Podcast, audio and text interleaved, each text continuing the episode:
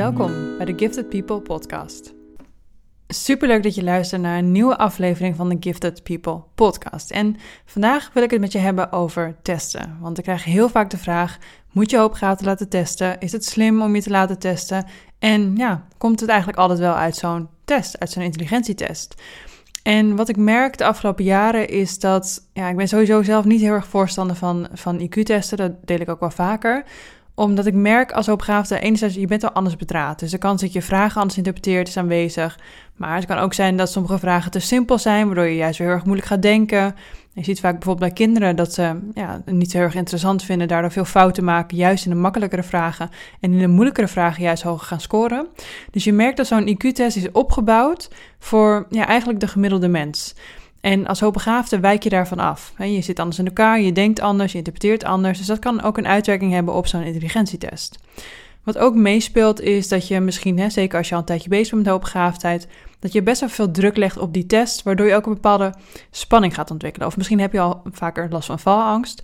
En dan zul je merken, ik zei, ik zei valangst bijna, maar ik bedoel natuurlijk faalangst. En dan zul je ook merken dat je, ja, als je zo'n test gaat maken, dat er zoveel spanning zit dat je daardoor ook meer fouten gaat maken, waardoor dus uit die test kan komen dat je niet zou zijn.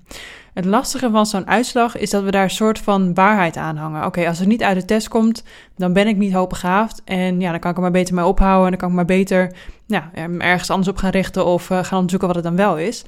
En het lastige is dat ook al komt het niet uit die test, betekent natuurlijk niet dat er geen sprake is van opgaafdheid. Het betekent alleen dat het niet uit die test is gebleken. Dus op het moment dat je dan je eigen zoektocht stilzet, omdat je denkt, nou, dan moet ik het ergens anders gaan zoeken, dan kan het zijn dat je bijvoorbeeld bij ADHD komt of autisme of iets anders, waarbij je ook wel voelt, het is het allemaal net niet. Je zult ook wel herkenning vinden in bepaalde kenmerken van bijvoorbeeld autisme of ADHD, want er zit vaak veel overlap in.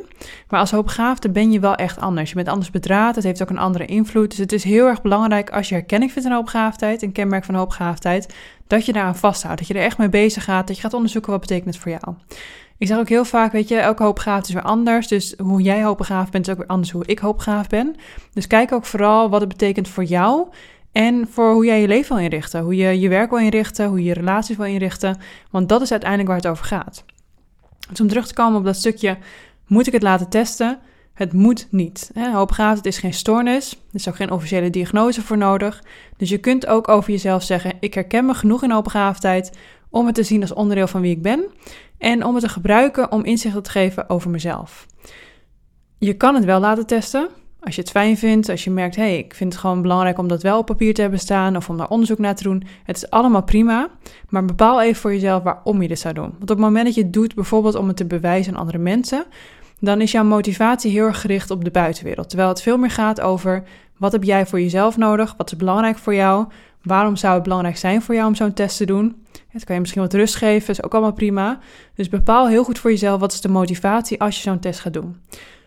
Als je zo'n test gaat doen, is het ook heel belangrijk dat je het laat doen bij iemand die kennis heeft van hoopbegaafdheid. Die ook jouw test op waarde kan schatten. Die ook ja, met je mee kan kijken. Die je ook een bepaalde ja, veilig gevoel kan geven als je daar samen test aan het afnemen bent. Dus ga echt op zoek naar iemand die wel die kennis heeft van hoopbegaafdheid. Super belangrijk om dat in ieder geval te doen.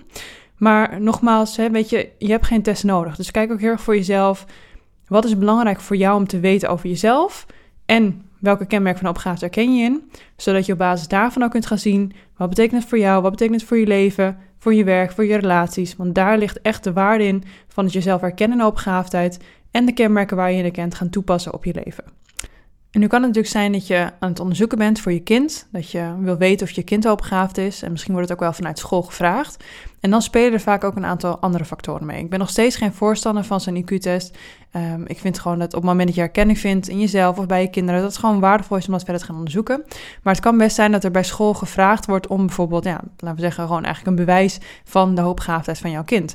En dat komt ook wel omdat er veel scholen nog beredeneren vanuit de gedachte, ja, iedereen wil wel dat zijn of haar kind hoopbegaafd is. En daardoor wordt het niet altijd heel serieus genomen op het moment dat je aankomt met, hé, hey, ik herken signalen van hoopbegaafd bij mijn kind. Het is heel erg belangrijk als ouder dat je daar wel voor gaat staan. Want er is nog gewoon heel veel onwetendheid over hoogbegaafdheid. Het is bij heel veel scholen nog niet bekend. Nog niet bekend dat het ook andere uitingen heeft. En dus niet alleen maar laat zien in de vorm van cijfers of hè, jouw kind doet het supergoed op school. Maar dat er ook andere kenmerken zijn. Ik heb natuurlijk ook een gratis e-book over hoogbegaafdheid. En wat ik vaak merk is dat heel veel ouders dat meenemen naar school om gewoon te laten zien: kijk, ik herken mijn kind hierin. Dus laten we samen gaan kijken hoe we een passende omgeving kunnen ontwikkelen of kunnen eh, mogelijk maken, zodat mijn kind ook optimaal kan presteren, tot zijn recht kan komen en het ook fijn heeft op school. Dus op het moment dat dat vraagstuk op, ja, op tafel komt, um, weet dan in ieder geval als je je kind laat testen, doe dat bij iemand die ook kennis heeft van opgaat. Het is echt heel erg belangrijk om daarop te letten. Um, en ja, sta er ook open voor dat het ja, veel meer gaat over het herkennen van de kenmerken van hoogbegaafden bij je kind. En niet zozeer over wat komt er nou uit zo'n test of wat staat er nou ergens op papier. Stel nou dat het niet uit zo'n test komt, dat je inderdaad een test hebt gedaan en dat jouw kind gemiddeld scoort. Weet dan dat het nog niet per se zegt dat jouw kind niet hoogbegaafd is. Op het moment dat je die signalen ziet, die kenmerken ziet, blijf daar dan ook echt aan vasthouden. En ja, committeer jezelf aan om voor jezelf ook meer over hoogbegaafd te ontdekken voor jezelf. Want vaak is er bij jou of bij je partner ook wel uh, wat inzichten over hoogbegaafdheid te vinden. Bij jezelf in de, in de kenmerken. Um, het is enerzijds waardevol voor jezelf, maar anderzijds ook om te zien van... hé, hey, maar wat hebben mijn kinderen nou van mij nodig? Wat heeft mijn kind van mij nodig? Dus blijf ook het onderzoek over hoogbegaafdheid belopen. Laat jezelf niet afschepen op het moment dat iemand tegen jou zegt... Uh, jouw kind kan niet hoogbegaafd zijn, want dan zou wel dit of dan zou wel dat zijn... Weet in ieder geval, als jij herkenning vindt in hoopgaafte voor jezelf, bij je kinderen, dat het heel erg belangrijk is dat je daarvoor gaat staan. Dat je ook voor je kinderen opkomt.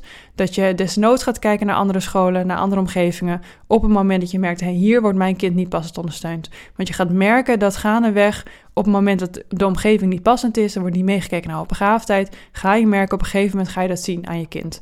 Dus het is echt heel belangrijk dat je daar kritisch op bent, dat je ook durft aan te geven van hé, hey, ik zie gewoon dat het niet werkt of dat mijn kind veel verder is en uh, dat er misschien andere begeleiding nodig is. Ga daarover in gesprek en kijk wat er mogelijk is. En als er te weinig mogelijk is, kijk dan naar andere omgevingen. Wees als ouder echt de persoon die voor jouw kind gaat staan. Want dat wordt niet altijd gedaan op de school zelf. En op het moment dat jij dat niet doet, dan doet niemand het. Dus hou er echt aan vast. Blijf vertrouwen op jezelf. Geloof in jezelf. En ga zoveel mogelijk kennis over hoogbegaafdheid in huis halen. Want je gaat merken dat daardoor heel veel dingen makkelijker worden. Dus als het gaat over testen, of het nou om jezelf gaat of om je kinderen, kijk heel goed naar de motivatie daarvoor. En weet dat de uitslag niet heilig is. Komt het eruit, dan kun je het zien als een bevestiging. Maar komt het er niet uit, dan kun je het niet zien als een reden of eigenlijk een constatering dat er geen sprake is van hoogbegaafdheid.